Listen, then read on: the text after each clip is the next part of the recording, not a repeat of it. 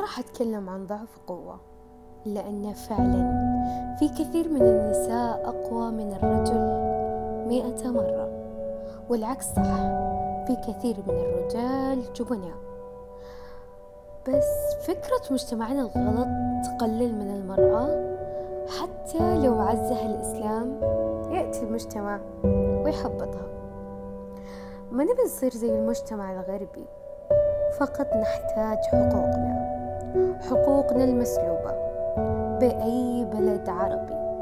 السودان مصر سوريا الجزائر تونس اليمن عمان ليبيا.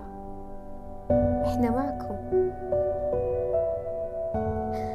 أما عن الأولوية فإن المرأة أولى لأنها الأم والأخت والجدة والخالة. المرأة هي نصف المجتمع وهي التي تربي النصف الآخر.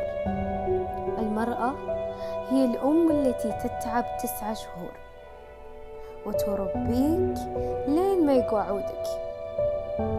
ما نقلل من شأن الذكر أو الرجل؟ بالعكس إحنا نبرز طرف مهم لأنها كل شهر تتألم وبنفس الوقت تخدمك.